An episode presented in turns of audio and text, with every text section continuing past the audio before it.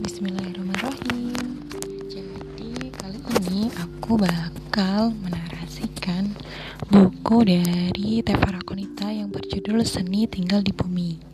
Nah jadi di sini di dalam satu buku itu uh, terbagi menjadi 1, 2, 3, 4, 5, 6 6 judul besar ya yaitu ada seni melangkah di bumi tentang hati yang ingin dicinta tentang perempuan manusia langit dunia di sekitarmu, dan menapaki keadilan gitu. Nah, jadi untuk seri pertama itu adalah Seni Melangkah di Bumi. Jadi subjudul pertama itu adalah uh, tak percaya diri. Jadi ini ya teman-teman, kalau di buku ini itu setiap judul besar itu memiliki subjudulnya masing-masing. Nah, di sini yang pertama itu tadi ya, tak percaya diri. Kadang manusia itu suka lucu.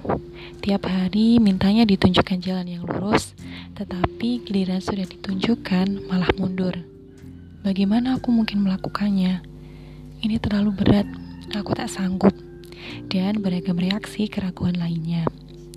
Reaksi ini sesungguhnya wajar. Bahkan sekelas Nabi Zakaria dan Siti Maryam pun tak percaya diri dengan jalan yang ditakdirkan untuknya. Bagaimana mungkin? Aku sudah sangat tua, ucap Nabi Zakaria saat malaikat mengabarkan ia akan punya Yahya, anak yang telah ditunggunya puluhan tahun. Bagaimana mungkin? Bahkan aku tak pernah disentuh lelaki. Ucap Maryam saat malaikat mengabarkan ia akan mengandung seorang bayi. Maka saat keraguan itu datang, saat dirimu bertubi-tubi mempertanyakan kemampuanmu sendiri, berbahagialah.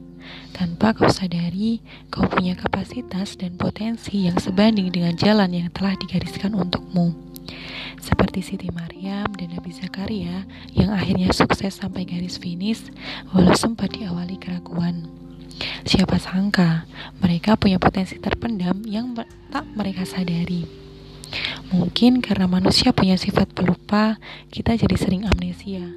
Kalau yang menunjuki jalan itu ialah Sang Maha Segalanya. Aneh ya, kita masih saja sering tak percaya kalau kita bisa.